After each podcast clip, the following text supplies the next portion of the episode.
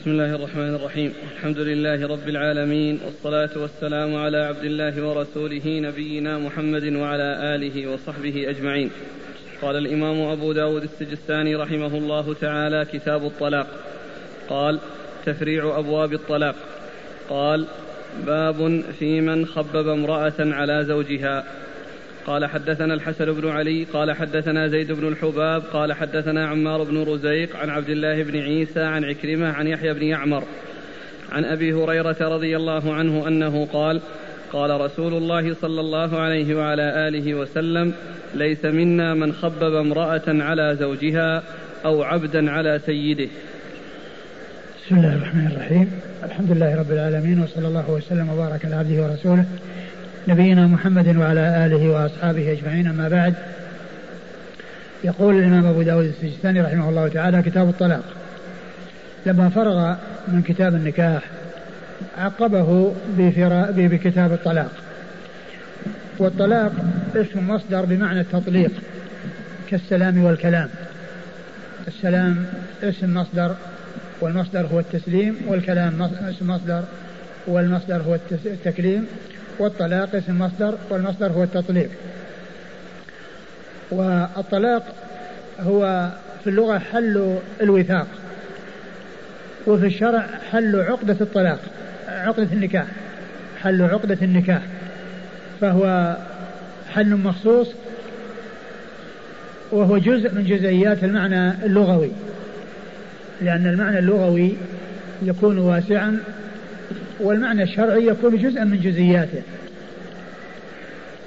فاللغوي حل الوثاق أي وثاق؟ وأما في الشرع فهو حل وثاق مخصوص الذي هو عقدة النكاح. يعني إنهاء النكاح. إنهاء عقد النكاح بالطلاق. ويأتي كثيرا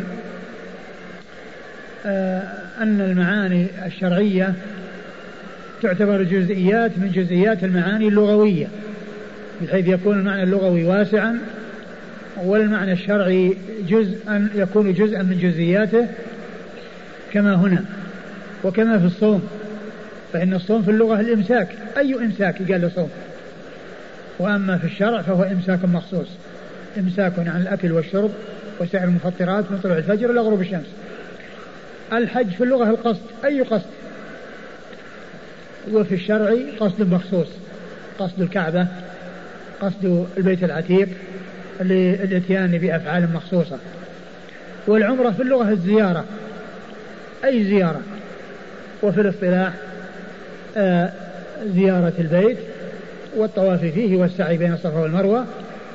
فإذا هذا الذي معنا وهو الطلاق آه، يكون المعنى الشرعي فيه جزء جزءا من جزئيات المعنى اللغوي. ثم أورد أبو داود آه، الباب. باب في من خبب امرأة على باب في من خبب امرأة على زوجها. قال قبله تفريع تفريع. أبواب الطلاق. أي. تفريع أبواب الطلاق يعني آه، ذكر الأبواب المختلفة التي تدخل تحت كتاب الطلاق. و آه، في من خبب امرأة على زوجها. يعني ما حكمه وأنه آه، آه، محرم وأنه لا يسوق ولا يجوز. والتخبيب هو إفسادها على زوجها بأن يسعى إلى أن يفسد ما في قلبها حتى يكون الفراق. ولهذا قدمه في أول النكاح أول الطلاق لأنه سبب في الطلاق ولأنه من أسباب الطلاق التخبيب. من من أسباب الطلاق. كون يخببها على زوجها بمعنى أنها آه، تتمرد عليه وتسعى إلى التخلص منه بسبب آه، يعني آه، يعني بسبب هذا الإفساد. بسبب هذا الإفساد. معنى أنه يخببها على زوجها فيسعى في تطليقها أو فيكون ذلك مؤديا إلى تطليقها منه بسبب هذا السعي. والإفساد الذي هو التخبيب. من خبب امرأة على زوجها. آه، أورد حديث أبي هريرة رضي الله عنه أن النبي صلى الله عليه وسلم قال ليس منا من خبب امرأة على زوجها أو عبدا على سيده. وكذلك أيضا العبد تخبيبه على سيده يعني إفساده على سيده وكونه يعني يسعى للتخلص منه لكونه آه، أفسد عليه. فقدمه في كتاب الطلاق لأن التخبيب الذي هو الإفساد آه، ما يكون من المودة والوئام بين الزوجين لأنه يكون سببا في الطلاق. نعم. قال حدثنا الحسن بن علي. الحسن بن علي الحلواني ثقة أخرج له أصحاب الكتب الستة إلا النسائي. عن زيد بن الحباب. عن زيد بن الحباب وهو صدوق أخرجه البخاري في جزء القراءة ومسلم وأصحاب السنن. صدوق أخرجه البخاري في جزء القراءة ومسلم وأصحاب السنن. عن عمار بن رزيق. عن عمار بن رزيق وهي لا وهو لا بأس به وهي تعادل صدوق. وأخرج حديثه مسلم وأصحاب السنن. نعم. أخرج حديثه مسلم وأصحاب السنن. عن عبد الله بن عيسى. عن عبد الله بن عيسى وهو ثقة أخرجه أصحاب الكتب. نعم. ثقة أخرجه أصحاب الكتب الستة. عن عكرمة. عن عكرمة مولى بن عباس ثقة أخرج له أصحاب الكتب الستة. عن يحيى بن يعمر. عن يحيى بن يعمر وهو ثقة أخرج له أصحاب الكتب. نعم. وهو ثقة أخرج له أصحاب الكتب الستة. عن أبي هريرة. عن أبي هريرة عبد الرحمن بن صخر الدوسي صاحب رسول الله صلى الله عليه وسلم وأكثر أصحابه حديثا على الإطلاق رضي الله عنه وأرضاه. هذه الصيغة ليس منا. تدل على تحريمه على أنه من, من الأمور المحرمة. وأن يعني من يفعل ذلك فقد عرض نفسه إلى أن يعني يكون من أهل هذا الوصف. لكن لا يعني ذلك أنه ليس يعني منا يعني من المسلمين هو مسلم. ولكنه يعني آآ آآ ليس على المنهج الصحيح وعلى الطريق الصحيح بل هو عاص ومخالف. الأخ يستشكل يقول كيف يخبب الرجل المرأة؟ مع العلم أنه لا يجوز أن يكون بين الرجل والمرأة صلة. فكيف إذا كانت متزوج متزوجة؟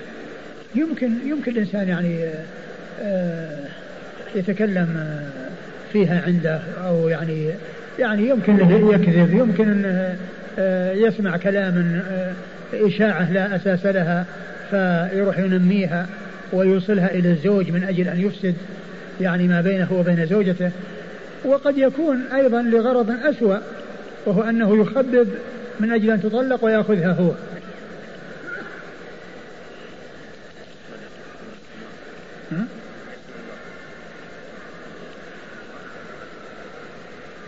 أي نعم مطلقا. لأن من لفظ عام يشمل الذكور والإناث.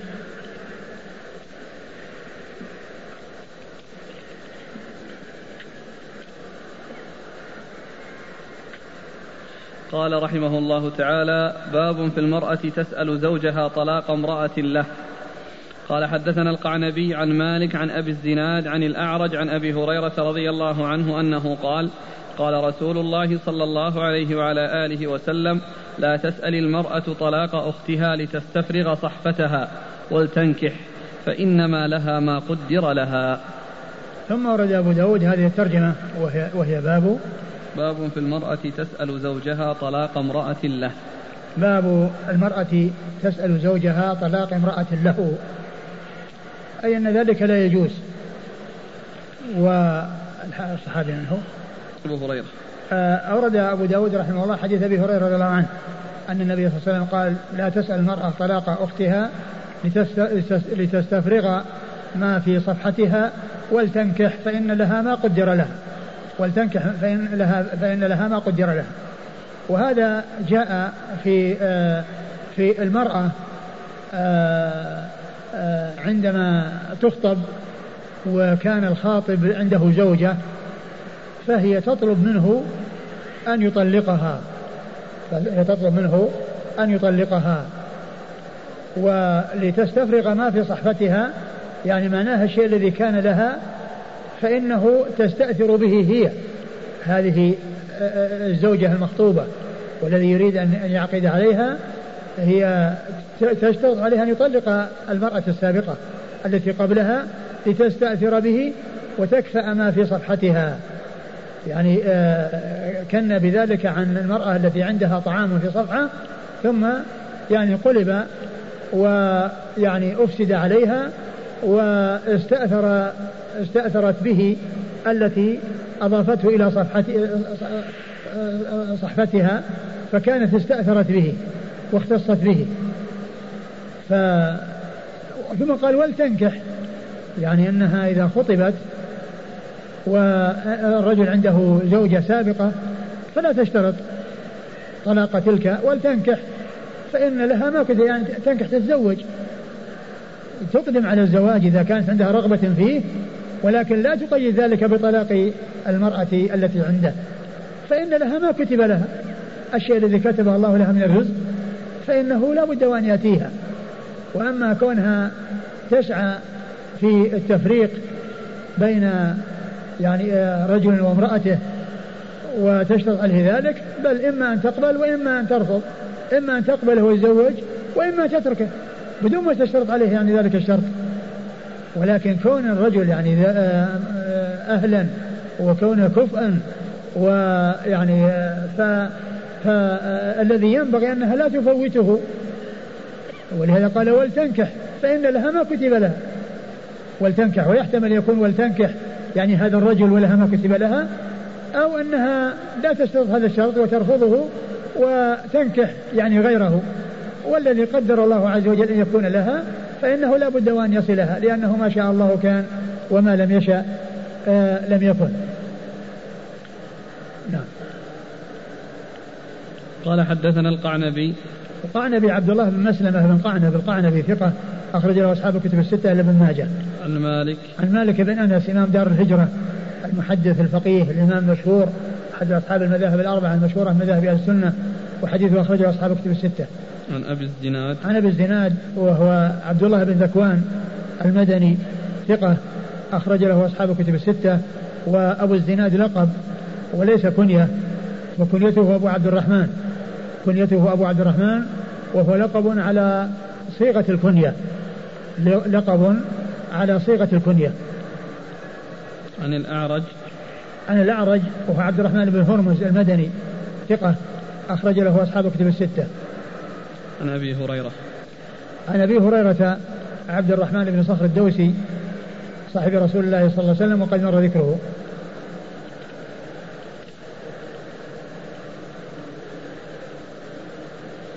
قال رحمه الله تعالى باب في كراهية الطلاق. قال حدثنا أحمد بن يونس قال حدثنا معرف عن محارب قال قال رسول الله صلى الله عليه وآله وسلم ما أحل الله شيئا أبغض إليه من الطلاق. ثم ورد أبو داود هذه الترجمة باب كراهية الطلاق.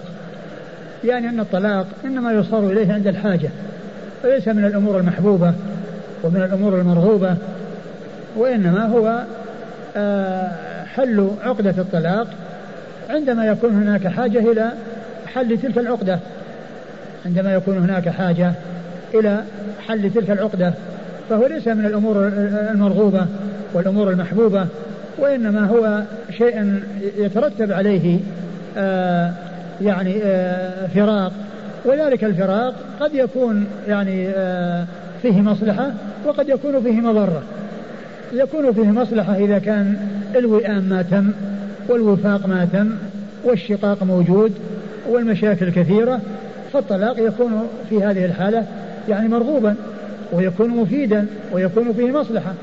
وأما إذا كان الوئام موجود والمودة موجودة ويعني والانسجام يعني قائم والمرأة يعني ما حصل منها شيء يعني يقتضي الطلاق فإنه لا يكون مرغوبا ولا يكون يعني آه، محبوبا وإنما هو هذا هو الذي فيه الكراهية والإشارة إلى أنه يعني أن أن أن البقاء وعدمه أنه أولى. وأما إذا كان يترتب على البقاء مضرة لوجود الشقاق ولوجود التنافر ولوجود آه، آه، يعني تنافر القلوب وعدم الانسجام وعدم المودة التي آه، تكون بين الزوجين والتي يكون فيها آه، آه، استمرار الحياة الزوجية على على راحة وعلى طمأنينة فإن يعني هذا هو الذي فيه فيه المصلحة وفيه الفائدة الطلاق. فإذا قال في كراهية الطلاق أورد حديث محارب. أورد أثر محارب بن دثار رحمة الله عليه أنه قال ما؟ ما أحل الله شيئا أبغض إليه من الطلاق. ما أحل الله شيئا أبغض إليه من الطلاق. ما أحل الله شيئا أبغض إليه من الطلاق. وهذا كما هو معلوم إنما يكون إذا كان آآ آآ آآ من غير أمر يقتضيه. أما إذا كان الأمر يقتضيه فإنه يكون متعينا وتكون المصلحة فيه ويكون الفراق يعني هو المطلوب.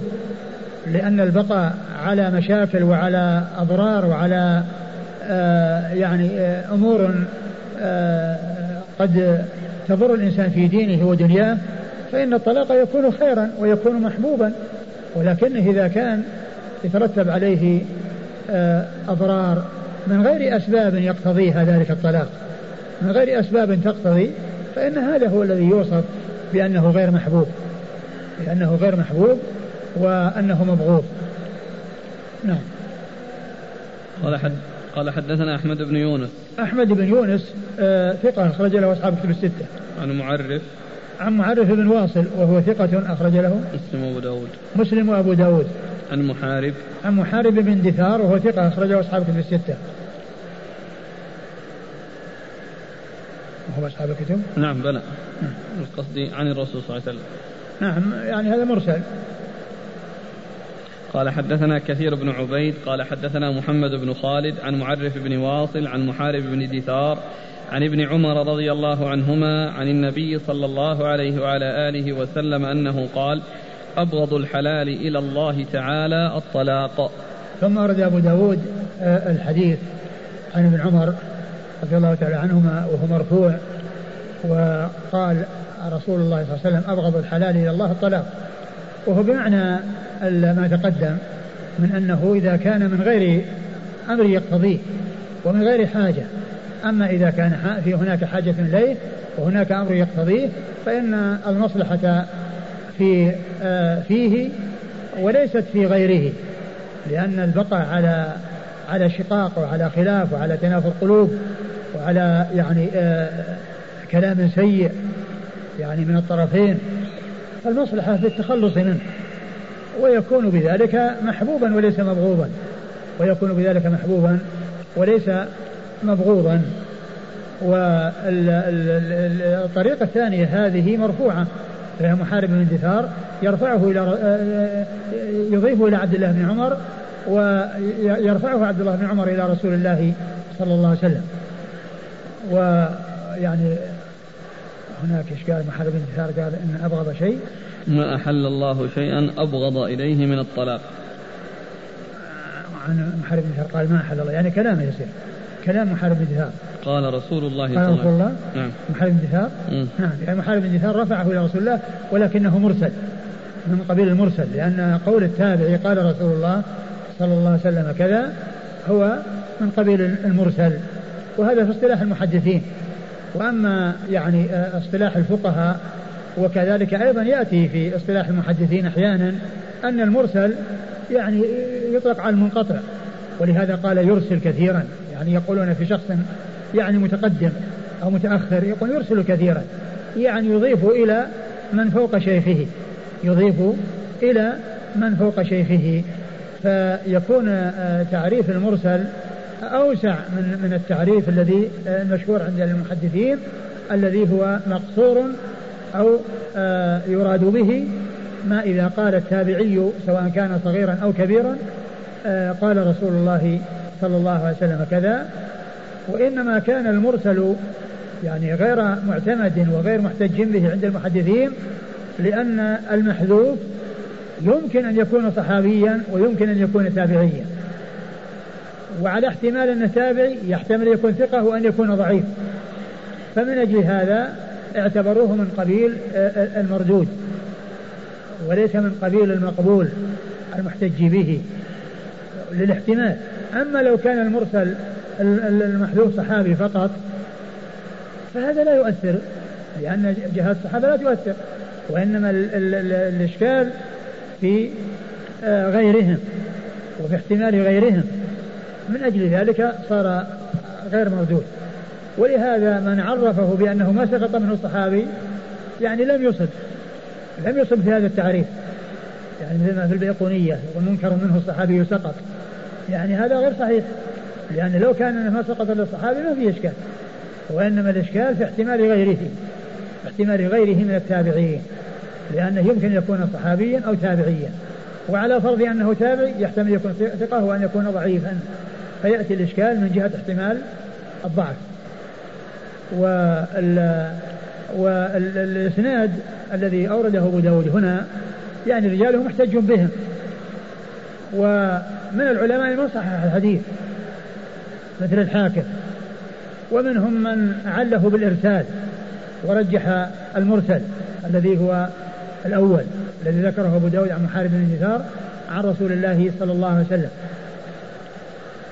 وأيضا ذكر أن من رواته في رواة محمد بن خالد أنه اضطرب فيه أنه قد اضطرب فيه فرواه على عدة أوجه. فإذا كان يعني ال ال الاضطراب يمكن أن يكون مؤثرا. أما أما قضية الإرسال فمن المعلوم أن من العلماء من قال إن أن أن الوصل أنه زيادة من ثقة فتكون مقبولة. وعلى هذا فيكون الحديث لا بأس به. أما إذا كان الاضطراب الذي ذكر عن محمد بن خالد الذي واحد رواته يعني مؤثرا أو أنها يعني يقدح فيه فإنه يكون على ذلك ضعيفا. وقد يعني ضعفه بعض أهل العلم مثل الشيخ الألباني رحمه الله فإنه ضعف هذا الحديث من أجل الإرسال. وقال إن الذين أرسلوا أوثق من الذي آه وصل إلى رسول الله صلى الله عليه وسلم. نعم.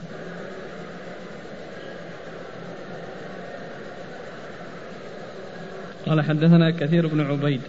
كثير بن عبيد الحمصي هو ثقة أخرجه أبو داود والنسائي بن ماجه. ثقة أخرجه أبو داود والنسائي بن ماجه. عن محمد بن خالد. عن محمد بن خالد وهو صدوق أخرج له. أبو داود والنسائي بن ماجه. أبو داود والنسائي بن ماجه. عن معرف بن عن واصل عن عن معرف بن واصل عن محارب بن دثار عن ابن عن عمر عبد الله بن عمر بن الخطاب رضي الله تعالى عنهما الصحابي الجليل أحد العبادلة الأربعة من أصحاب النبي صلى الله عليه وسلم وأحد السبعة المعروفين بكثرة الحديث عن النبي صلى الله عليه وسلم وهم أبو هريرة وابن عمر وابن عباس وأبو سعيد وأنس وجابر وأم المؤمنين عائشة رضي الله تعالى عن الجميع.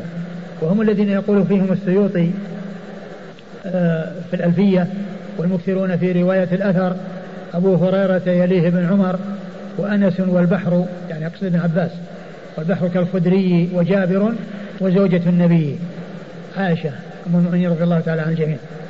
نعم.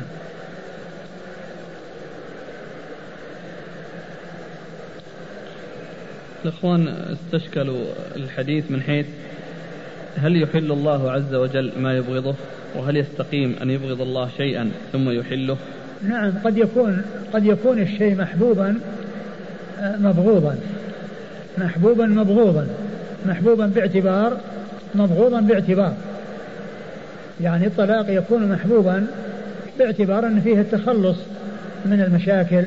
ومن عدم الوئام والانسجام ومبغوضا إذا كان لغير أمر يقتضيه وترتب على ذلك ال ال ال الانفصال يعني بين يعني شخصين بينهما الوئام والمودة ثم حصل يعني من ذلك ضرر على الزوجة بترك زوجها لها من غير أمر يقتضي ذلك. فالجمع أو اجتماع البغض والمحبة أو الشيء محبوب مبغوض باعتبار نعم مثل مثل آه، آه، مسألة الإيمان. يعني آه، صاحب الكبيرة صاحب الكبيرة محبوب مبغوض محبوب باعتبار ما عنده من الإيمان مبغوض باعتبار ما عنده من الفسوق والعصيان. ولهذا يعني أهل السنة والجماعة يقولون عن مرتكب الكبيرة مؤمن بإيمانه فاسق من كبيرته يحب على ما عنده من الإيمان ويبغض على ما عنده من الفسوق والعصيان. فاجتمعت فيه المحبة والبغض. اجتمعت فيه المحبة والبغض. وكذلك يعني ال- ال- البيت الذي بيت من الشعر يعني يتحدث عن الشيب وأن الشيب إذا نظر إلى ما قبله هو الشباب صار غير مرغوب فيه وصار مبغوضا. ولكنه إذا نظر إلى ما بعده هو الموت صار محبوبا. إذا نظر إلى ما بعده هو الموت صار محبوبا. يقول الشاعر الشيب كره وكره أن أفارقه. فاعجب لشيء على البغضاء محبوبي. الشيب كره وكره أن أفارقه. الشيب غير مرغوب فيه. إذا نظر إلى الشباب. ولكن إذا نظر إلى ما وراءه هو الموت صار مرغوب فيه. لأن ما يرغب الشيب ولا يرغب الموت. يرغب الشيب ولا يرغب الموت. الشيب كره وكره أن يفارقه فاعجب لشيء على البغضاء محبوبي وهذا يقول ألا يعارض هذا الحديث ما تقرر عند السلف أن الإرادة الشرعية تختلف عن الإرادة الكونية فالشرعية يحبها الله تعالى بخلاف الكونية. فكيف يريد الله عز وجل شرع شرعا الطلاق وهو يبغضه؟ ال ال يعني هو عند عند وجود مقتضيه يعني مأمور به ومرغب فيه بل قد يكون واجبا. وعند وجود شيء لا يقتضيه أو عدم وجود شيء يقتضيه ويترتب عليه ضرر من غير أمر يقتضي ذلك يكون غير محبوب. وهنا نسأل عن حكم الطلاق عموما. هل صحيح أنه ينقسم إلى خمسة أقسام؟ نعم ذكر ذكر بعض أهل العلم أنه ينقسم يكون يعني حراما فيما إذا كان طلاقا بدعيا بأن يكون في الحيض أو يكون ثلاثا أو يكون في طهر جامع فيه فإنه هنا يعني لا يجوز لا يجوز الطلاق في هذه الحال. ويكون يعني محرما ويكون واجبا فيما إذا يعني لم يصلح الانسجام والوفاق وكون أنه بعث حكمان ثم الحكمان رأى أن المصلحة يعني فيه وعدم آه، البقاء فعند ذلك يتعين الطلاق ويكون واجبا. فالعلماء ذكروا هذا وذكروا أمثلة وهذا منه.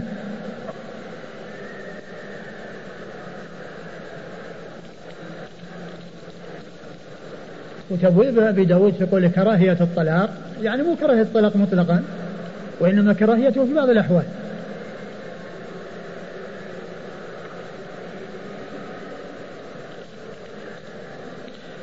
قال رحمه الله تعالى باب في طلاق السنة.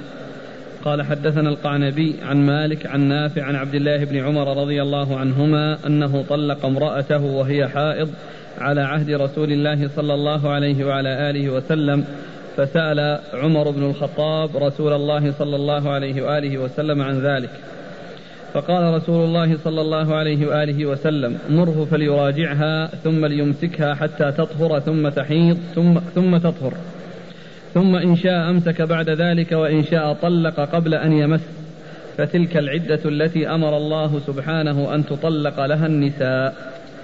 ثم ورد أبو داود رحمه الله باب طلاق السنة. أي الطلاق الذي يكون طبقا للسنة ويكون موافقا للسنة، يعني ليس طلاق بدعة. يعني المقصود السنة هنا مقابل البدعة. السنة مقابل البدعة لأن السنة تأتي لمعاني تأتي للشرع آه، آه، كله قال سنة. الكتاب والسنة كلها قالها سنة. ومن ذلك من رغب عن سنتي فليس مني. فسنة الرسول صلى الله عليه وسلم التي التي هو عليها ما جاء في الكتاب والسنة. من رغب عن سنتي فليس مني. المراد بسنته هنا ما جاء به من الكتاب والسنة. من رغب عن, عن الكتاب والسنة أو عما جاء في الكتاب والسنة أو عن شيء ما جاء في الكتاب والسنة فإنه آه، مذموم. وهذا أوسع معنى للسنة. يليه أن السنة تطلق على الحديث خاصة حديث الرسول صلى الله عليه وسلم. ومن ذلك قول العلماء من المحدثين والفقهاء عندما يأتون إلى مسألة من المسائل يقررونها فيحصرون الأدلة إجمالا أولا فيقول هذه المسألة دل عليها الكتاب والسنة والإجماع والقياس. أما الكتاب فكذا وأما السنة فكذا وأما الإجماع فكذا وأما القياس فكذا. فيعني عطف السنة على الكتاب فأريد بها خصوص الحديث. أريد بها خصوص الحديث. المعنى الثالث أن السنة في مقابل البدعة وهذا الذي معنا هو من هذا القبيل. باب طلاق السنة أي الذي ليس على بدعة والذي هو موافق لسنة الرسول صلى الله عليه وسلم ومجانبا للبدعة ومخالفا للبدعة.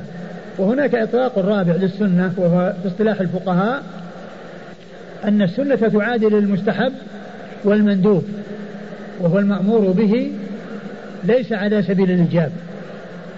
وإنما على سبيل الاستحباب. فهذا يقال له سنة. إذا الفقهاء قالوا يسن كذا يسن كذا يقصدون به أنه من الأمور المستحبة. من الأمور المستحبة. ف يعني هذا باصطلاح الفقهاء. المأمور به على سبيل الإلزام واجب والمأمور به على سبيل على سبيل الاستحباب. أي دون الإيجاب يكون مستحب ويقال سنة ويقال مندوب. أسماء ثلاثة. له يقال له سنة ويقال مستحب ويقال مندوب. يندب كذا يستحب كذا يسن كذا. هذه بمعنى واحد. والذي معنا هنا في هذه الترجمة هو في مقابل البدعة. السنة الذي هو يعني في مقابل البدعة. وطلاق آه، السنة أن يطلق الرجل امرأته في طهر لم يجامعها فيه طلقة واحدة. أن يطلقها طلقة واحدة في طهر لم يجامعها فيه. في طهر يعني يخرج به الحيض. يعني فلا يطلق في الحيض. لأن الطلقة في الحيض طلاق بدعة. لم يجامعها فيه يخرج منه الطهر الذي جامعها فيه. فإنه لا يطلق في الطهر الذي جامع فيه. لا يطلق في الطهر الذي جامع فيه وإنما يطلق في طهر لم يجامعها فيه. لأنه إذا جامعها فيه يمكن يكون هناك ولد يترتب على ذلك ولد ولكن كونه يطلق وهو جازم بأنها حامل أو حائل يعني كونه يطلقها حاملا أو حائلا هذا هو طلاق السنة. في طهر لم يجامعها فيه. طلقة واحدة لا يطلقها ثلاثا أو أكثر وإنه يطلق طلقة واحدة. إذا أراد أن يطلق يعني يقول طلقت زوجتي طلقة واحدة أو طلق السنة. أورد أبو داود رحمه الله حديث عبد الله حديث عبد الله بن عمر آه، في قصة طلاقه لزوجته وأنه طلقها وهي حائض وأن أباه جاء إلى رسول الله صلى الله عليه وسلم وأخبره بذلك فقال النبي صلى الله عليه وسلم لعمر مره فليراجعها. يعني أخبره بأن يراجعها. والمراد بالمراجعة أنه أنه يعيدها إليه بالمراجعة. فتكون الطلقة معتبرة التي حصلت في حال الحيض. وتكون معدودة ومحسوبة عليه من طلقاته الثلاث يكون قد مضى واحدة.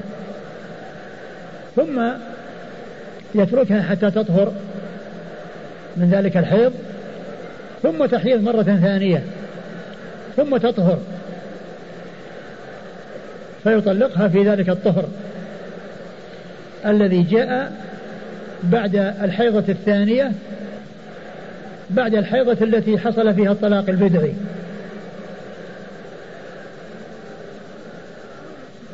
ثم يشكى في الآخر.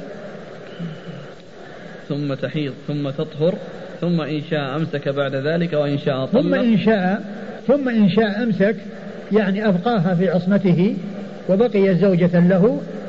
وإن شاء طلق. وإن شاء طلق يعني في ذلك الطهر. في ذلك الطهر الذي لم يجامعها فيه. وفي طهر لم يجامعها فيه ويكون بعد الحيضة الثانية. في الطهر الذي بعد الحيضة الثانية. قد جاء في بعض الأحاديث سيذكرها المصنف أنه بعد بعد الحيضة التي حصل فيها الطلاق. يعني أنه يراجعها ثم بعد ذلك يطلقها إذا بدأ له يعني بعد انقضاء الحيض وكونها في طهر ومعلوم أنه طهر لم يجامعها فيه. أما إذا جامعها في الطهر أي طهر فإنه لا, لا, لا يطلقها في ذلك الطهر لا يطلقها في طهر جامع فيه. ولقال قبل أن يمسها هنا قال قبل أن يمسها في الحديث في, في, في الحديث ذا ولا في الحديث بعد قبل أن يمس وإن شاء طلق قبل أن يمس. آه وإن شاء طلق قبل أن يمسه يعني معناه أنه يطلقها بدون مسيس. أما إذا وجد المسيس فإنه لا يطلقها بل يبقيها بل يبقيها حتى يأتي طهر لم يجامعها فيه. حتى يأتي طهر لم يجامعها فيه. فيكون الطلاق إما في حال الحمل المتحقق أو في حال كونها متحققا عدم حملها. بأن كانت تحيض فتطلق في طهر أو يطلقها في طهر لم يجامعها فيه متحققا عدم آه، حملها. الرسول صلى الله عليه وسلم أمر عمر رضي الله عنه بأن, آه، يأمر آه، عبد الله بن عمر. ومعنى ذلك أنه يبلغه لأن يعني كون الرسول قال مره فليراجعها المقصود من ذلك إبلاغه. بأن يراجعها وأن هذا حكم وأن هذا هو الحكم الشرعي بأن المطلق في حال الحيض عليه أن يراجع. واختلف في الأمر هذا هل هو للاستحباب أو للإيجاب؟ هل هو مستحب أو أنه آه أنه واجب؟ فمن من العلماء قال بوجوبه ومنهم من قال باستحبابه بمعنى أنه لو لو استمر وترك حتى مضى بعد ذلك وقت وخرجت من العدة فإنها ليس هناك مجال للمراجعة. ليس هناك مجال للمراجعة لأن المراجعة إنما تكون في حال العدة. مره فليراجعها.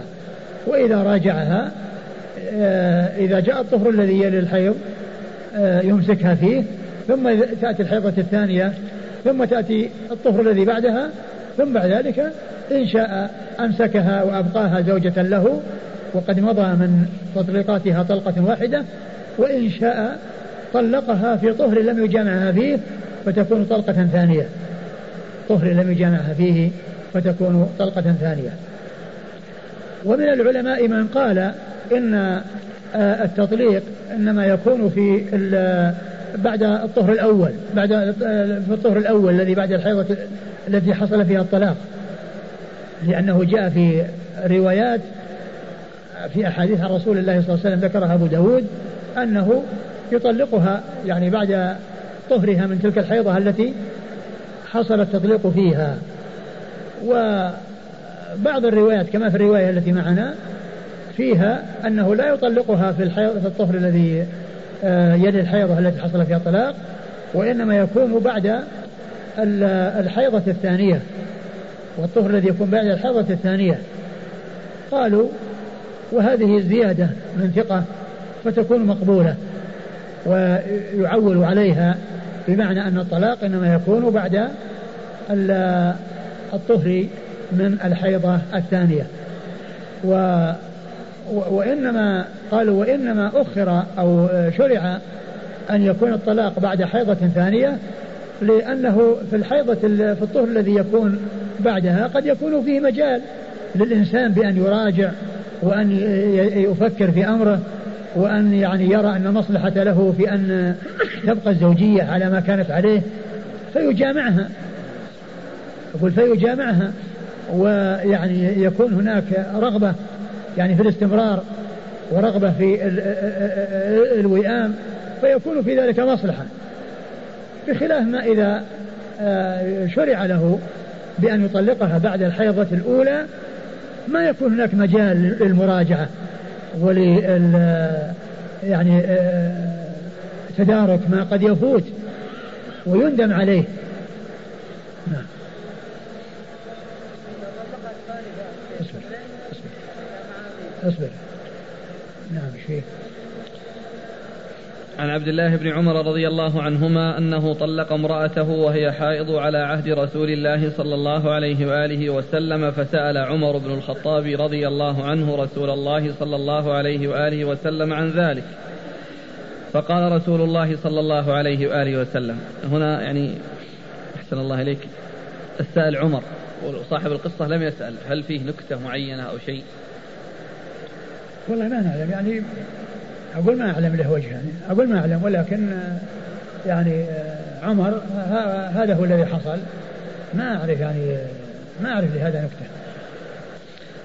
فقال رسول الله صلى الله عليه وآله وسلم مره فليراجعها ثم ليمسكها حتى تطهر ثم تحيض ثم تطهر. ثم إن شاء أمسك بعد ذلك وإن شاء طلق قبل أن يمس. فتلك العدة التي أمر الله سبحانه أن تطلق لها النساء. فتلك العدة التي أمر الله أن تطلق لها النساء يعني مستقبلات العدة. بمعنى أن العدة تبدأ من الطلاق والطلاق يكون في الطهر في طهر لم يجامعها فيه. فلا يكون في الحيض لا يكون في الحيض ولا يكون في طهر جامعها فيه. وإنما في طهر لم يجامعها فيه. في طهر لم يجامعها فيه. وفي حال التطليق في الحيض فإنه يكون هناك طهر ثم يأتي بعده حيض ثم التطليق يكون بعد ذلك الحيض الثاني. فتلك العدة التي أمر الله أن تطلق لها النساء أي آه أنهن يطلقن مستقبلات لعدتهن ويكون ذلك بتطليقهن في طهر لم يجامعن فيه وأن يكون ذلك طلقة واحدة. نعم. قال حدثنا القعنبي عن مالك عن نافع. القعنبي مر ذكره ومالك مر ذكره ونافع هو مولى بن عمر وهو ثقة أخرجه أصحاب كتب الستة. عن عبد الله عن عبد الله بن عمر بن الخطاب رضي الله عنه وقد مر ذكره وهذا من الرباعيات عند أبي داود التي هي من الأسانيد العالية. أعلى ما يكون عند أبي داود من الأسانيد الرباعيات وهذا منها. القعنبي عن مالك عن نافع عن ابن عمر.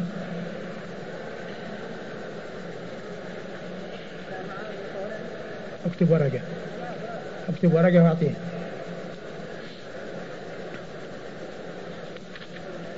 قال حدثنا قتيبة بن سعيد قال حدثنا الليث عن نافع أن ابن عمر رضي الله عنهما طلق امرأة له وهي حائض تطليقة بمعنى حديث مالك. ثم ورد أبو داود الحديث من طريق أخرى. و وفيه أنه طلقها تطليقة يعني تطليقة واحدة. أنه طلقها تطليقة واحدة وهي حائض فالتطليقة الواحدة يعني هي طلاق سنة ولكن تطليقها في الحيض ليس طلاق سنة. نعم. قال حدثنا قتيبة بن سعيد. قتيبة بن سعيد بن جميل بن طريف البغلاني ثقة أخرجه أصحاب الكتب الستة. عن الليث. عن الليث بن سعد المصري ثقة فقيه أخرجه أصحاب الكتب الستة. عن نافع عن ابن عمر. عن نافع عن ابن عمر وقد مر ذكرهما وهذا أيضا رباعي مثل الذي قبله. قال حدثنا عثمان بن أبي شيبة قال حدثنا وكيع عن سفيان عن محمد بن عبد الرحمن مولى آل طلحة عن سالم عن ابن عمر رضي الله عنهما أنه طلق امرأته وهي حائض. فذكر ذلك عمر للنبي صلى الله عليه وآله وسلم.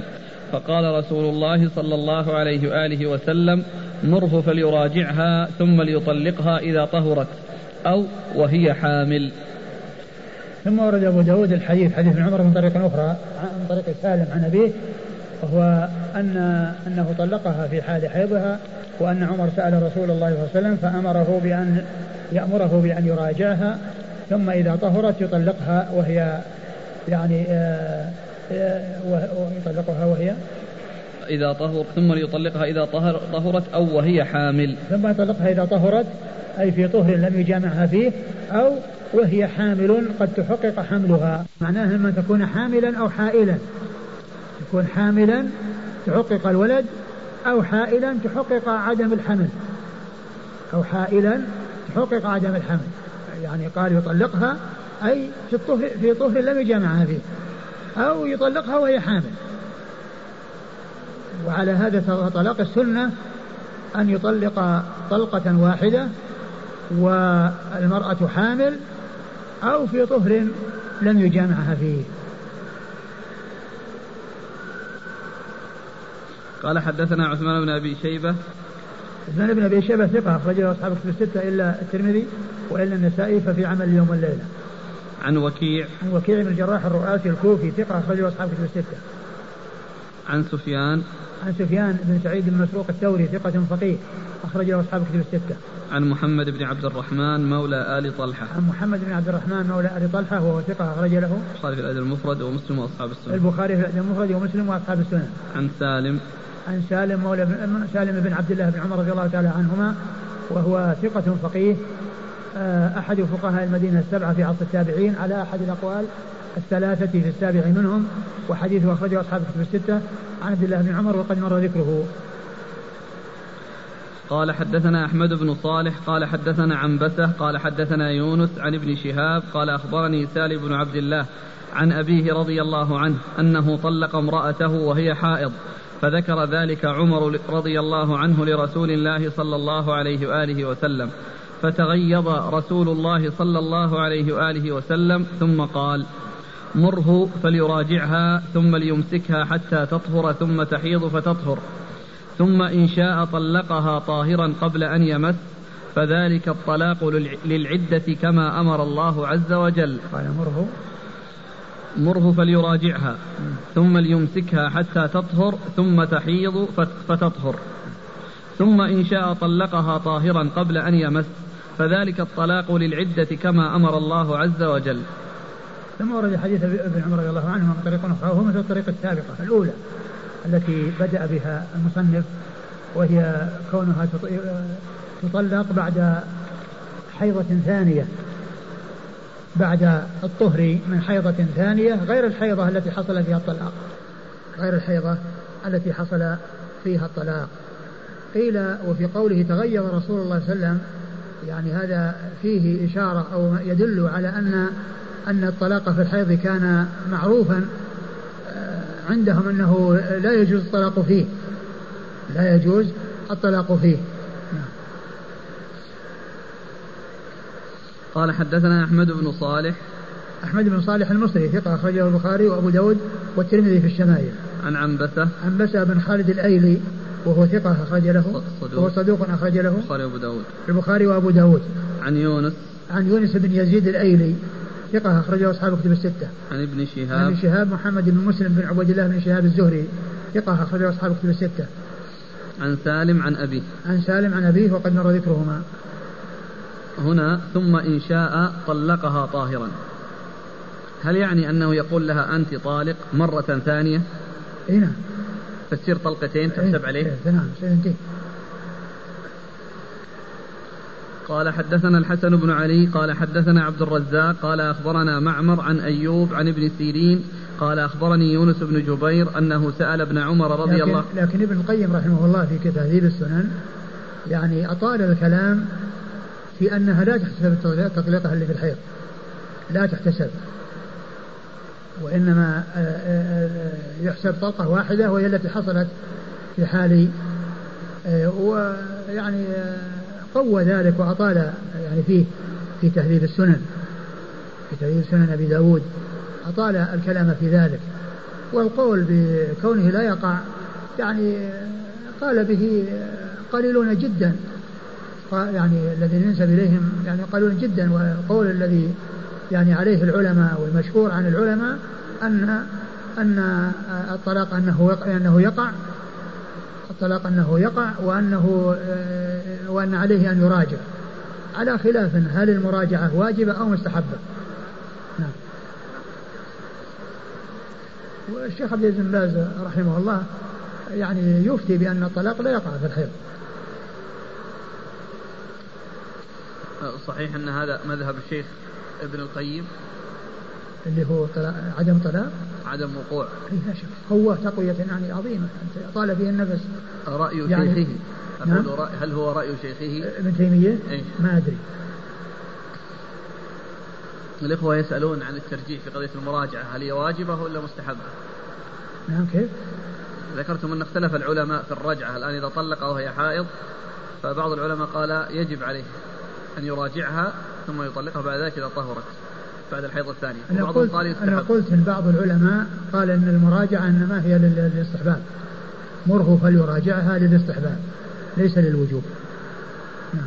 ولهذا لو لو لم يحصل مراجعة واستمر الأمر حتى يعني مضى يعني خروجها من العدة فإن الطلاق قد وقع والعدة خرجت والمراجعة ما وجدت. هل لسماحة الشيخ يعني توجيه في الحديث حيث أنه لم يقع والله ما يعني الذي الذي يبدو أنه يعني آه، آه، كلام ابن القيم والتوجيهات التي ذكرها ابن القيم والتعليلات التي ذكرها ابن القيم يعني اقتنع بها ورأى أن أن أن, أن هذا هو الأولى. وقال ان قالوا ان قال المراجعة هذه ليس المقصود بها الرجعة المعروفة التي هي إعادة المطلقة وإنما المقصود بها أن كونه يرجعها يعني إليه يعني ليس مراجعة يرجعها إليه يعني تبقى يعني في عصمته وأنها يعني لا يتركها يعني ففسر المراجعة بهذا. قال حدثنا الحسن بن علي قال حدثنا عبد الرزاق قال أخبرنا معمر عن أيوب عن ابن سيرين قال أخبرني يونس بن جبير أنه سأل ابن عمر رضي الله عنهما فقال كم طلقت امرأتك؟ فقال واحدة. ثم ورد حديث ابن عمر رضي الله عنه أنه سئل كم طلقت امرأتك؟ فقال واحدة. وهذا يدل على أنه إنما طلقها طلقة واحدة. وقد سبق أن مر في الطريقة الثانية التي ذكرها أبو داود أنه طلقها تطليقة. طلقها تطليقة يعني واحدة. يعني معناه أن الإنكار عليه لكونه طلق في الحيض لا أنه طلق تطليقة. ومعلوم أن أكثر من تطليقة يعني هذا ليس بسنة. ولو كان ابن عمر طلق آه، أكثر من واحدة ثلاثا وفي الحيض يعني يكون محذورين. يعني يكون فيه محذوران. يعني كونه في الحيض وكونه أكثر من واحدة. نعم. قال حدثنا الحسن بن علي. الحسن بن علي الحلواني مر ذكره. عن عبد الرزاق. عبد الرزاق بن همام الصنعاني اليماني ثقة أخرج له أصحاب كتب الستة. عن معمر. معمر بن راشد الأزدي البصري ثم اليماني ثقة أخرج له أصحاب كتب الستة.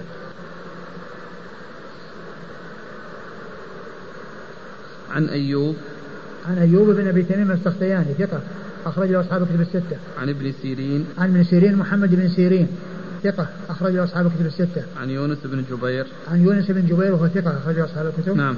أخرج له أصحاب الكتب الستة. عن ابن عمر. عن ابن عمر وقد مر ذكره. قال حدثنا القعنبي قال حدثنا يزيد يعني بن إبراهيم عن محمد بن سيرين قال حدثني يونس بن جبير قال سألت عبد الله بن عمر رضي الله عنهما قال قلت رجل طلق امرأته وهي حائض. قال أتعرف عبد الله بن عمر؟ قلت نعم. قال فإن عبد الله بن عمر طلق امرأته وهي حائض فأتى عمر رضي الله عنه النبي صلى الله عليه وآله وسلم فسأله فقال مره فليراجعها ثم ليطلقها في قبل عدتها.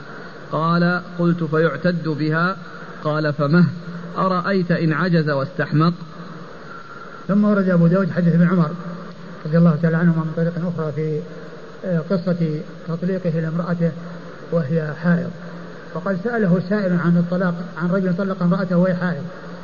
فقال أتعرف عبد الله بن عمر؟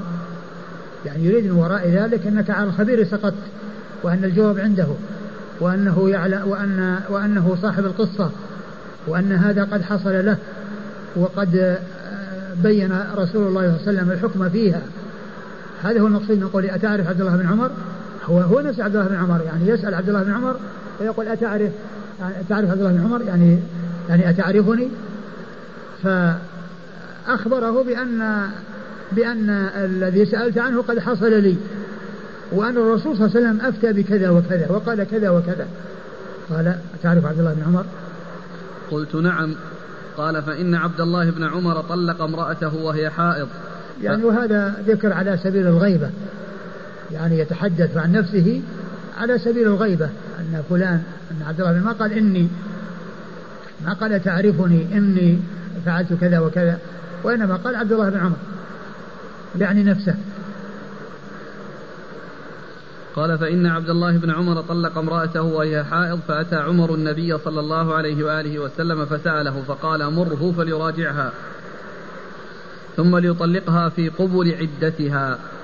مره فليراجعها ثم ليطلقها في قبل عدتها يعني مستقبلة عدتها وذلك في طهر لم يجامعها فيه وذلك في طهر لم يجامعها فيه. وقد جاء تفسير ذلك في الروايات السابقة أنه يكون بعد الطهر من الحيضة الثانية بعد الحيضة التي حصل الطلاق فيها. نعم. قال قلت فيعتد بها. قال فمه أرأيت إن عجز واستحمق؟ فيعتد بها يعني بالطلقة أو التطليقة. قال أرأيت إن عجز واستحمق؟ أرأيت إن عجز واستحمق. قيل معنى هذا أن الإنسان لو عجز عن فرض آه يعني آه فلم يأتي به أو استحمق يعني عجز يعني من من من, من الترك آه ليس لكونه آه لا يقدر عليه لأن الله لا يكلف نفسا إلا وسعها. ولكن المقصود إنه من من العجز الذي هو عدم الجد وعدم الفعل للشيء المطلوب منه. أو استحمق يعني ركب رأسه فلم يفعل ذلك الفعل المأمور به. يعني آه، ألا يؤاخذ؟ نعم. قال حدثنا القعنبي عن يزيد يعني ابن إبراهيم. يزيد يعني ابن إبراهيم هو ثقة أخرج له؟ أصحاب الكتب. أصحاب الكتب الستة. عن محمد بن سيرين عن يونس بن جبير عن عبد الله بن عمر. وقد مر ذكرهم. هنا في الحديث فأتى عمر النبي صلى الله عليه وسلم. يقول أخونا هل يستفاد من هذا أنه يجوز تسمية الأب باسمه وأنه ليس فيه قلة أدب ولا عقوق له؟ نعم هو جاء. أقول جاء يعني مثل هذا التعبير جاء عمر إلى رسول الله صلى الله عليه وسلم أقول جاء وإذا كان المقصود منه يعني الاستهانة وكذا لا يجوز. وأما إذا لم يكن يعني في هذه النية فإنه سائغ وجائز. ولكن التعبير بكل إنسان يقول أبي وكونه يصرح باسمه بنسبته إليه أولى ولكن ذلك سائغ بشرط ألا يكون فيه يعني شيء من التقصير. السامع لهذه الأحاديث بشوق إلى بقية القصة. يعني ماذا حصل بعد ذلك؟ لا شك أن الذي يحصل هو تنفيذ ما جاء في الحديث. لأن هذا السائل يعني أقول لا شك أن, أن الذي يحصل هو التنفيذ. في شيء غير هذا؟ يعني في يتوقع شيء غير التنفيذ؟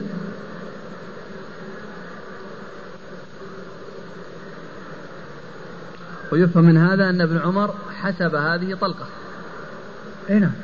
وهذا الذي يفهم قال حدثنا أحمد بن صالح قال حدثنا عبد الرزاق قال أخبرنا ابن جريج قال أخبرني أبو الزبير أنه سمع عبد الرحمن بن أيمن مولى عروة يسأل ابن عمر رضي الله عنهما وأبو الزبير يسمع.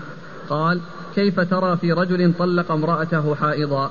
قال طلق عبد الله بن عمر رضي الله عنهما امرأته وهي حائض على عهد رسول الله صلى الله عليه وآله وسلم فسأل عمر رسول الله صلى الله عليه وآله وسلم فقال إن عبد الله بن عمر طلق امرأته وهي حائض.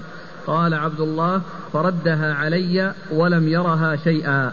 قال وقال إذا طهرت فليطلق أو ليمسك.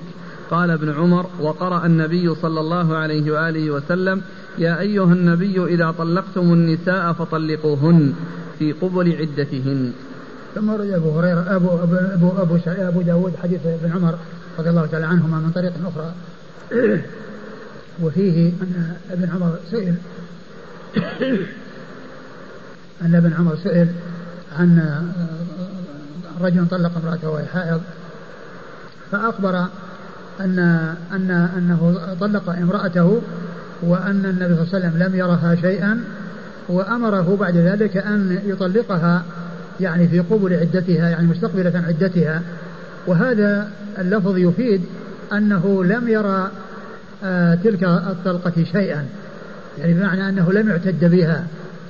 لكن آه يمكن أن يوفق بينه وبين الأحاديث الأخرى أنه لم ير يعني أن ذلك شيئا باتا كما قال بعض أهل العلم يعني أنها فيه رجعة وفيه آه، آه، إمكان التدارك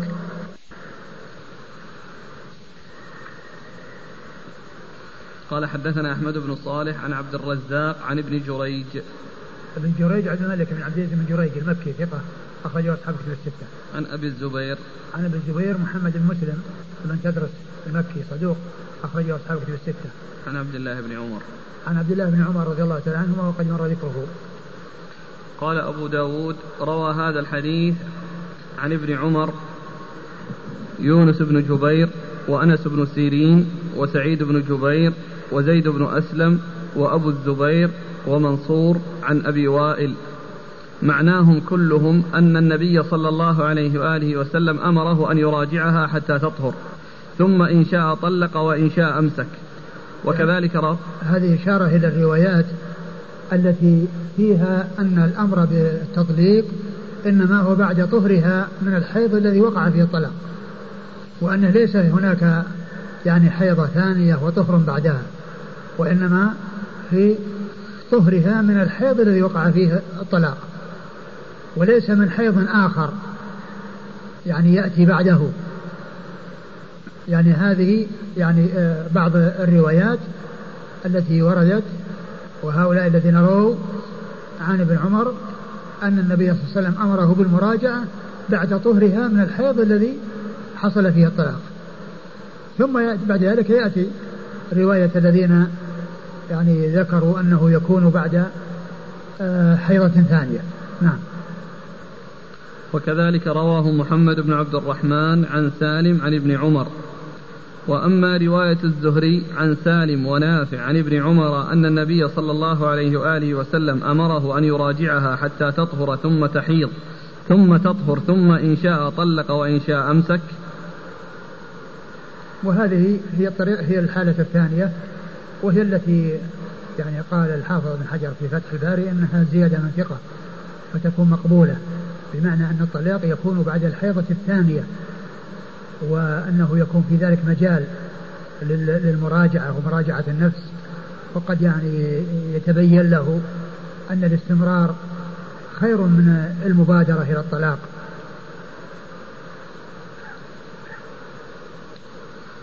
وروي عن عطاء الخراساني عن الحسن عن ابن عمر نحو رواية نافع والزهري والأحاديث كلها على خلاف ما قال أبو الزبير. والأحاديث كلها على خلاف ما قال أبو الزبير من أنه لم يرها شيئا. قال أنه لم يرها شيئا لأنها كلها على خلاف وأنها يعني وأنه أمر بالمراجعة وأنه احتسبت وهي على خلاف ما جاء عن أبي الزبير إنها أن فيه مراجعة وأن أن وأن الطلقه يعني قد حصلت وجدت. نعم. قال أبو داود روى هذا الحديث عن ابن عمر يونس بن جبير وأنس بن سيرين. نترجم للرجال. نعم. قال روى هذا الحديث عن ابن عمر يونس بن جبير وأنس بن سيرين. وأنس؟ بن سيرين. وأنس بن سيرين أيضا ثقة أخرج أصحاب كتب الستة. وسعيد بن جبير. سعيد بن جبير ثقة أخرج أصحاب كتب الستة. وزيد بن أسلم. وزيد بن أسلم ثقة أخرج أصحاب كتب الستة. وأبو الزبير ومنصور. أبو الزبير مر ذكره منصور بن معتمر ثقة أخرج أصحاب كتب الستة. عن أبي وائل. أبو وائل هو شقيق بن سلمة الكوفي ثقة مخضرم أخرجه أصحاب كتب الستة ومشهور بكنيته أبو وائل. ثم قال وكذلك رواه محمد بن عبد الرحمن عن سالم عن ابن عمر. محمد بن عبد الرحمن مولى آل طلحة الذي مر ذكره. وأما نعم. وأما رواية الزهري عن سالم ونافع عن ابن عمر تقدم. قال وروي عن عطاء الخراساني. عطاء الخراساني صدوق. صدوق يهم كثيرا. صدوق يهم كثيرا أخرجه أصحاب مسلم وصف. مسلم وأصحاب السنن. نعم. مسلم وأصحاب السنن. عن الحسن. عن الحسن بن الحسن البصري. ثقة أخرجه أصحاب في الستة. عن ابن عمر نحو رواية نافع والزهري نعم. والأحاديث كلها على خلاف ما قال أبو الزبير. والأحاديث كلها على خلاف ما قال أبو الزبير يعني في أنها أنها احتسبت وأنه أمر بالمراجعة وأنها يعني أبو الزبير قال أنه لم يرها شيئا. ولكن بعض أهل العلم قال أنه يمكن يوفق بينها بأنه لم يره شيئا يعني باتا. وأما شيء فيه مراجعة فقد أخبر به صلى الله عليه وسلم. انتهى الباب. نعم. والله تعالى أعلم وصلى الله وسلم وبارك على عبده ورسوله نبينا محمد وعلى آله وأصحابه أجمعين. جزاكم الله خيرا وبارك الله فيكم ونفعنا الله بما قلتم. فائدتان. الأولى ذكر الشيخ ناصر رحمه الله في الإرواء أن رواية ولم يرها شيئا توضحها الرواية الصحيحة التي رواها عبد الرزاق في مصنفه وفيها ولم يرها شيئا أي الحيضة وليست تطليقة ولم يرها شيئا أي الحيضة؟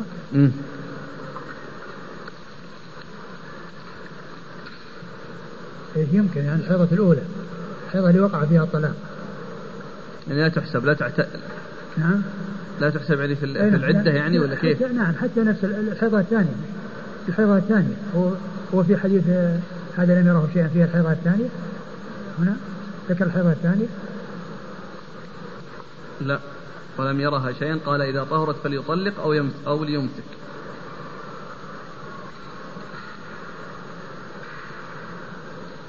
لم يرها شيئا. إيش معنى إيش معنى لم يرها شيئا الحيضة؟ أما لو كان النهي يعني بعد الطلاق الثاني يعني معناه أن بعد الحيضة الثانية أنه لم يرى الحيضة الثانية شيئا وإنما العدة تكون من ذلك الطهر الذي طلق فيه بعد الحيضة الثانية يصير يصير له يصير له وجه. لكن هنا يعني رواية الزبير يعني ما في هذه الحيضة الثانية. والحيضة الأولى يعني كيف لم ترى شيئا؟ يعني طبعا آه هو لابد من مراجعة. مراجعة في طهر. لابد من طلاق بعد مراجعة. هكذا يقول يعني قال إنها هي الحيضة. هكذا. يقول في في مصنف عبد الرزاق. غير واضح. كيف؟ لا اعتبر لأنه ما دام أنه أمره أمره بأن يطلقها يعني يعني يعني يطلقها فيما بعد. لا هو قال الحيضة قال لم يرى الحيضة شيئا نعم. الفائدة الثانية يقول نقل الشيخ البسام في توضيح الأحكام عن الشيخ الألباني أن ابن القيم رحمهم الله اعتمد على كونه لا يقع أن زيادة احتساب التطليق لم تثبت. عنده. قال وهناك طريق صحيحة في احتساب الطلاق أنه يقع. لم يطلع عليها ابن القيم. وصح. لم يطلع عليها ابن القيم رحمه الله ولم يذكرها فيما رجحه. ولو اطلع عليها لقال بها وهي ثابتة. وهي إيش؟ ما ذكر. هو يعني أقول هو قرب من الحديث أنها أنها احتسبت. نفس حديث أبي داود. اللي قال يعني فهل فهل هذا قال فما رأيت أن عجز واستحمى فيه أنها احتسبت هنا هذا الأخ ينقل عن الشيخ بن عثيمين في شرح بلوغ المرام أن قال أن مذهب عدم وقوع الطلاق البدعي هو مذهب شيخ الإسلام ابن تيمية. أن أن إيش؟ عدم وقوع الطلاق البدعي. إيه؟ هو كذلك مذهب شيخ الإسلام ابن تيمية. مثل مثل ما كان تلميذه. نعم. طيب. الأخ يقول ما الحكمة من النهي أو من طلاق المرأة في الحال الحيض؟ ما العلة في النهي عن الطلاق في الحيض؟ أو في طهر قد جامعها فيه؟ الطهر الذي جامعها فيه كما هو معلوم لأنه قد يترتب عليه حمل. قد يترتب عليه حمل ويعني وال والإنسان قد يعني يكون له رأي فيما إذا كانت حاملا أنه لا يطلق. وأما في حال الحيض فما أعرف يعني أقول ما أعرف يعني الحكمة في ذلك.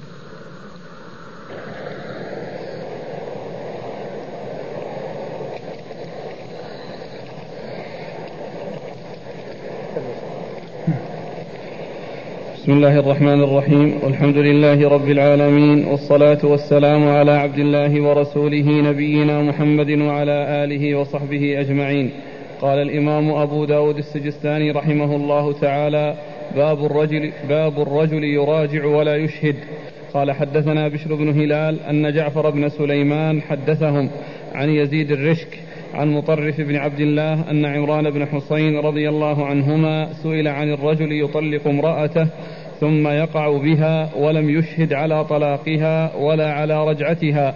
فقال طلقت لغير سنة وراجعت لغير سنة. أشهد على طلاقها وعلى رجعتها ولا تعد. بسم الله الرحمن الرحيم. الحمد لله رب العالمين. وصلى الله وسلم وبارك على عبده ورسوله نبينا محمد وعلى آله وأصحابه أجمعين. أما بعد يقول الإمام أبو داود السجستاني رحمه الله تعالى باب الرجل يراجع زوجته ولا يشهد أي ما حكم ذلك؟ وحكم ذلك صحيح ولكن يشهد الإنسان فيما بعد.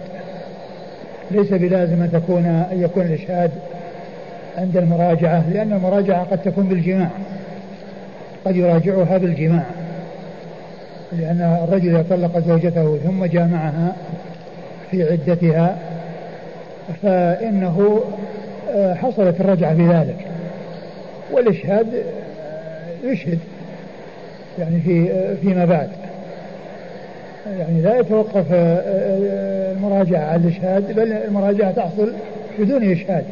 ولكن عليه أن يشهد. وقد سبق أن مر في حديث عبد الله بن عمر أن النبي صلى الله عليه وسلم أمره بأن يراجعها وما جاء فيها أنه يشهد. لكن أورد أبو داود رحمه الله في حديث عمران بن حصين هنا أن عمران رضي الله عنه لما سئل عن ذلك قال طلقت على غير سنة وراجعت على غير سنة أشهد ولا تعد. يعني أشهد على طلاقها وعلى رجعتها ولا تعد. وأي لا تعود إلى مثل هذا العمل. فهذا يدل على أن الإشهاد يمكن أن يتدارك وأنه لا يلزم أن يكون عند الطلاق ولا عند الرجعة بل الإنسان يطلق ثم يشهد ويراجع ثم يشهد وقد تكون المراجعة بالجماع لأن جماع الرجل امرأته المطلقة وهي في حال عدتها آه، لأنها زوجة هو مراجعة لها. لكن آه، الإشهاد مطلوب وذلك حتى يعلم أن الطلاق آه، انتهى بالرجعة وكذلك الطلاق أيضا الإشهاد مطلوب فيه لأنه يتبين به أن النكاح قد انتهى بالطلاق ولكنه لا يتوقف الأمر على أن الإشهاد يكون عند الطلاق أو يكون عند الرجعة بل يمكن أن يكون بعد ذلك. نعم. قال حدثنا بشر بن هلال. بشر بن هلال هو ثقة أخرجه مسلم وأصحاب السنة. بشر بن هلال ثقة أخرجه مسلم وأصحاب السنة. عن جعفر بن سليمان. عن جعفر بن سليمان ثقة أخرجه. صدوق أخرج له البخاري في الأدب المفرد ومسلم وأصحاب السنة. صدوق يخطئ أخرجه البخاري في الأدب المفرد. صدوق. فقط. صدوق آه، أخرج له آه، البخاري في الأدب المفرد ومسلم وأصحاب السنة. عن يزيد الرشك. عن يزيد الرشك وهو يزيد بن أبي يزيد آه، لقبه الرشك وهو ثقة أخرج له. أصحاب الكتب. أخرج له أصحاب الكتب الستة. عن المطرف بن عبد الله. عن المطرف بن عبد الله بن الشخير ثقة أخرج له أصحاب الكتب الستة. عن عمران. عن عمران بن حسين أبو نجيد رضي الله تعالى عنه صاحب رسول الله صلى الله عليه وسلم وحديثه أخرجه أصحاب الكتب الستة. الإشهاد في الطلاق والرجعة واجب؟ بعض أهل العلم قال بوجوبه وقد جاء في القرآن لكن كما عرفنا ليس بلازم أن يكون عند الطلاق. الرجل قد يطلق زوجته بينه وبينها ولا يحضرهما أحد. وطلاقه معتبر في هذه الحالة. لا يقال أنه متوقف على الإشهاد ولكن عليه أن يشهد.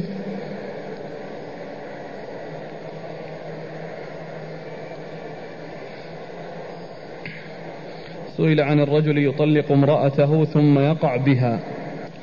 يقع بها يعني جامعة الرجعة تكون تكون بال تكون بالكلام وتكون بال بالجماع. يشترط ألفاظ معينة في الرجعة؟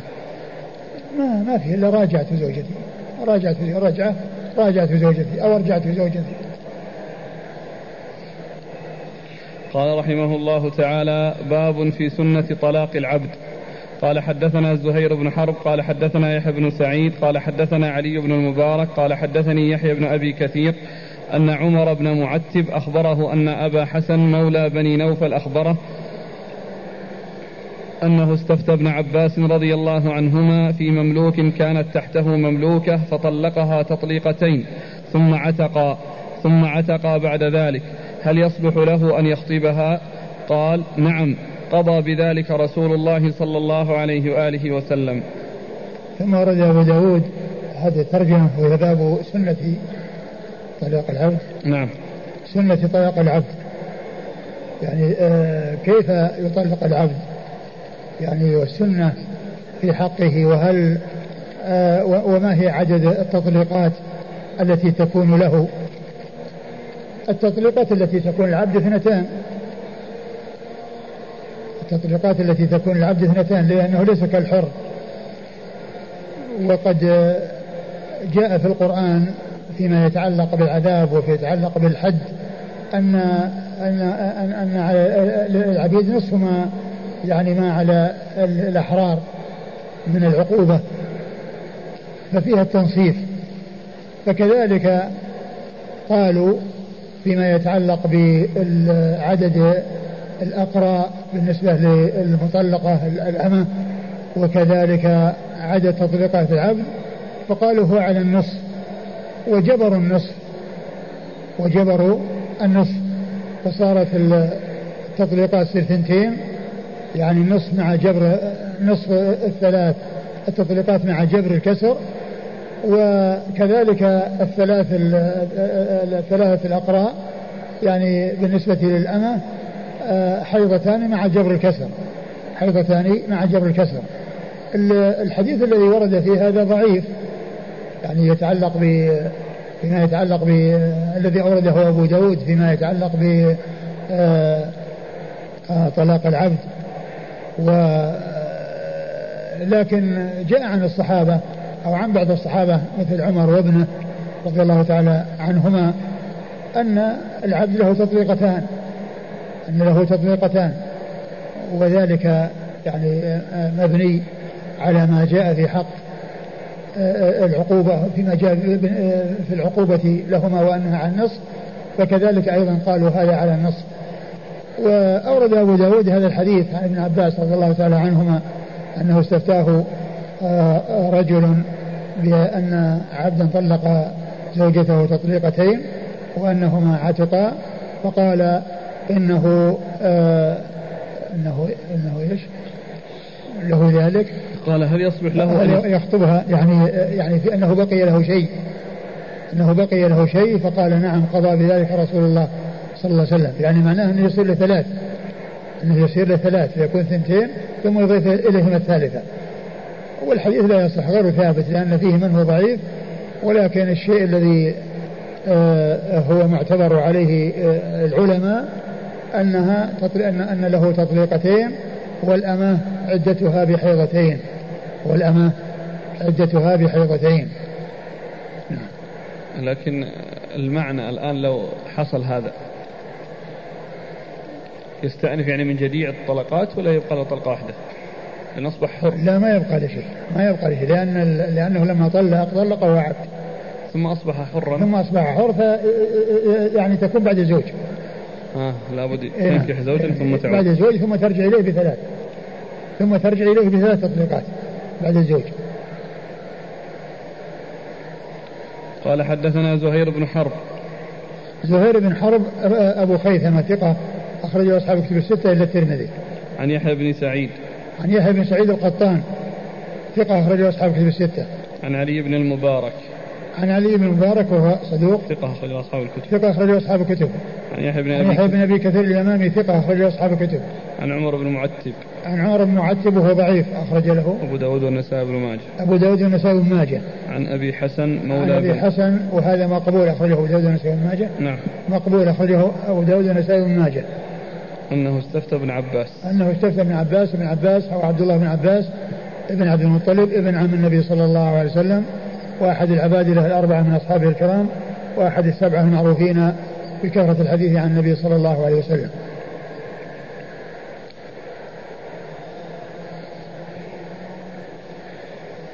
قال حدثنا محمد بن المثنى قال حدثنا عثمان بن عمر قال أخبرنا علي بإسناده ومعناه بلا إخبار.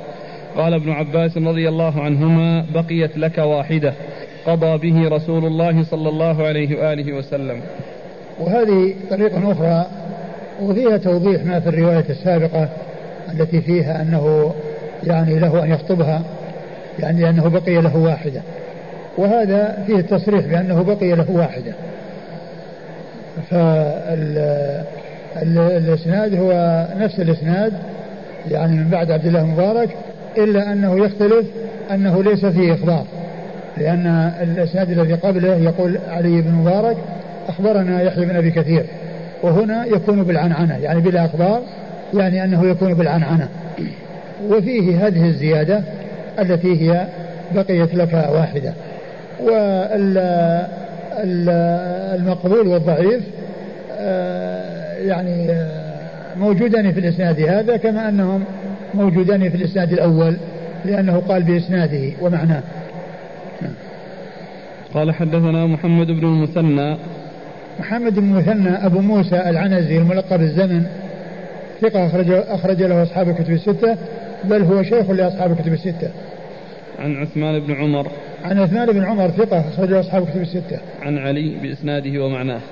عن علي اللي هو ابن المبارك بإسناده ومعناه. بإسناده يعني بعد علي ومعناه أي معنى المتن إلا أن الإسناد في هذه الطريقة الثانية بالعنعنة في رواية علي عن يحيى بن أبي كثير والرواية السابقة هي بالإخبار. قال أبو داود سمعت أحمد بن حنبل قال قال عبد الرزاق قال ابن المبارك لمعمر من أبو الحسن هذا؟ لقد تحمل صخرة عظيمة. ثم ذكر هذا الأثر عن معمر. نعم. قال لقد تحمل صخرة عظيمة. يعني أنه أتى بشيء عظيم يعني آه انفرد به. يعني هو كون ال ال كون ال آه، العبد إذا طلق طلقتين وأنه له أن يعني آه، يخطبها أو له أن يعني أنه بقي له واحدة. يعني هذا المقصود منه إنكار يعني هذا القول وإنكار هذه الرواية وأن هذا شيء منكر. ومعلوم أن أبو الحسن مقبول ولكن الذي قبله ضعيف فكل منهما يعل به الحديث. قال أبو داود أبو الحسن هذا روى عنه الزهري. قال الزهري وكان من الفقهاء. روى الزهري عن أبي الحسن أحاديث. آه هذا فيه إشارة إلى أن إلى أن هذا له رواية اللي هو أبو الحسن. وقال عنه الحافظ في التقريب أنه مقبول. ولكن والمقبول هو الذي يعتبر حديثه عند المتابعة والاعتقاد. وكما عرفنا الحديث فيه علة أخرى وهي الشخص الذي يروي عن أبو الحسن هذا هو ضعيف فليس بحجة. قال أبو داود أبو الحسن معروف وليس العمل على هذا الحديث. قال أبو داود الحسن معروف أبو الحسن معروف وليس العمل على هذا الحديث. يعني الذي قال إنه تحمل فيه معمر أنه تحمل صخرة عظيمة يعني أنه أتى بشيء عظيم وأتى بشيء آه، انفرد والعمل ليس عليه. وإنما هو على أن العبد له تطليقتان وأنه بعد التطليقتين لا بد من آه، آه، أن ينكح زوجا بعده ولا تحل له إلا بعد ذلك. وأما الحر هو الذي له ثلاث تطليقات وتحل له بعد الثلاث إذا تزوجها زوج آه زواج رغبة ثم طلقها فإنها تعود. فالعبد تعود إليه يعني بعد آه، حتى تنكح زوجا غيره والحر آه بعد ثلاث حتى تنكح زوجا غيره.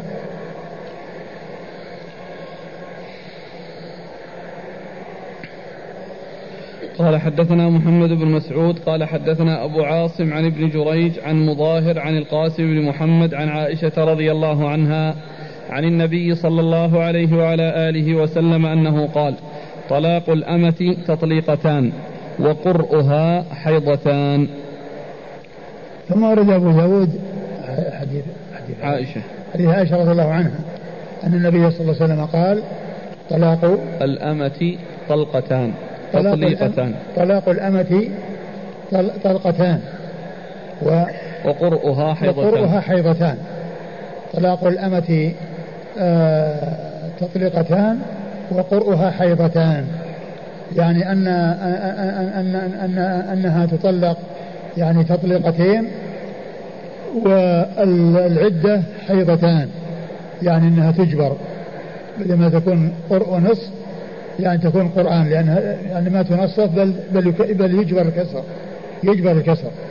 والعلماء قالوا إن إن إن الطلاق هو هو يدفع الرجال والحكم يعني مناط بالرجال وأن العبد له تطليقتان والحر له ثلاث ولا ينظر بعد ذلك إلى يعني النساء والنساء يعني العدة في حقهن يعني ولا ينظر إلى حق الأزواج. ولا ينظر بالنسبة للأزواج فالنظر بالنسبة للطلاق للرجال والنظر بالنسبة للعدد هي للنساء.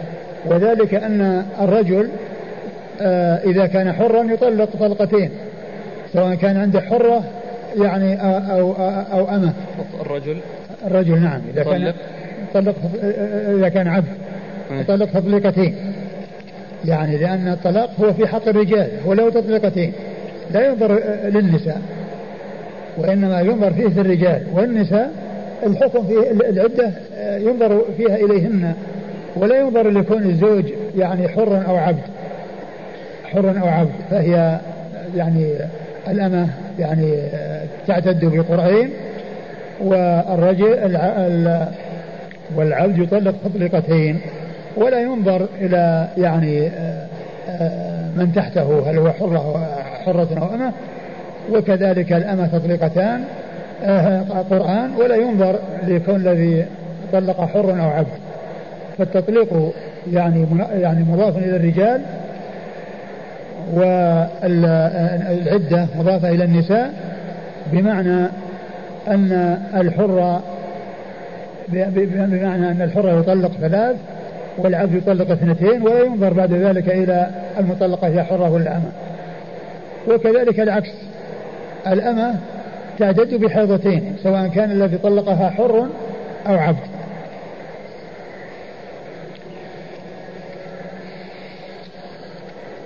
قال حدثنا محمد بن مسعود. محمد بن مسعود هو؟ ثقة أخرجه أبو داود. ثقة أخرج له أبو داود. عن أبي عاصم. عن أبي عاصم النبيل وهو الضحاك بن مخلد ثقة أخرجه أصحاب كتب الستة. عن ابن جريج. عن ابن جريج عبد الملك بن عبد العزيز بن جريج. المكي ثقة أخرجه أصحاب كتب الستة. عن مظاهر. مظاهر هذا ضعيف أخرج له. أبو داود الترمذي بن ماجه. أبو داود الترمذي بن ماجه. عن القاسم بن محمد. عن القاسم بن محمد بن أبي بكر الصديق وهو ثقة فقيه أحد فقهاء المدينة السبعة في عصر التابعين أخرج له أصحاب الكتب الستة. عن عائشة. عن عائشة أم المؤمنين رضي الله عنها وأرضاها الصديقة بنت الصديق وهي واحدة من سبعة أشخاص عرفوا بكثرة الحديث عن النبي صلى الله عليه وسلم. قال أبو عاصم حدثني مظاهر قال حدثني القاسم عن عائشة عن النبي صلى الله عليه وآله وسلم مثله إلا أنه قال وعدتها حيضتان ثم أورد أبو داود الحديث من طريق أخرى وهو بمعناه إلا أنه قال وعدتها حيضتان. هناك قال إيش؟ عد وقرأها حيضتان. قرأها قرأها نعم. قرأها حيضتان. هنا قال عدتها حيضتان. نعم. قال أبو داود وهو حديث مجهول. هو حديث مجهول يعني حديث لا يصح لأن فيه يعني ذلك الرجل الضعيف هذا اللي قبله معلق يكون قال أبو عاصم حدثني مظاهر. نعم معلق قال أبو عاصم حدثني إيش؟ حدثني مظاهر. نعم. إذا العمل ما دام حديث ضعيف كيف على ماذا يستند؟ على ما جاء عن الصحابة جاء عن عمر وعن ابن عمر. وأيضا هو مبني على التنصيب الذي حصل في الحد. في, في, في الحدود.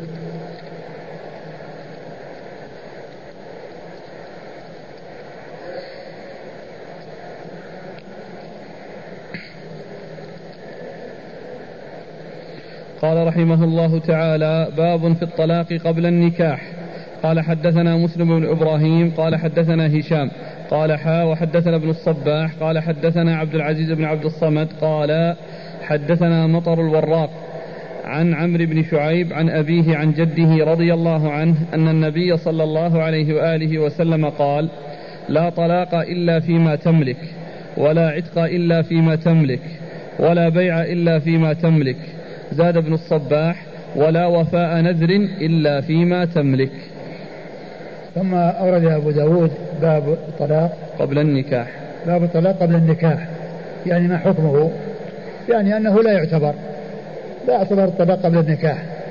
وإنما يعتبر الطلاق بعد النكاح. بعد أن يكون عقد على المرأة عند ذلك يتمكن من تطليقها لأنه زوج. أما قبل ذلك كونه يطلق أجنبية لا علاقة له بها أو يعلق الطلاق على الزواج بحيث يقول إن تزوجتها فهي طالق أو إذا تزوجتها فهي طالق فإن ذلك لا يعتبر لأنه تطليق قبل الزواج.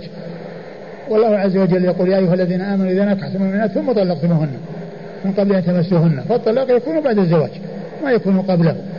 فإذا وجد بأن طلق أجنبية ثم عقد عليها أو علق النكاح على زواج امرأة فطلقها قبل أن يعقد عليها فإن ذلك لا يعتبر. هذا هو المقصود من هذه الترجمة. أورد أبو داود حديث من؟ عبد الله بن عمرو. حديث عبد الله بن عمرو بن العاص رضي الله تعالى عنهما أن النبي صلى الله عليه وسلم قال لا طلاق إلا فيما تملك. لا طلاق إلا فيما تملك.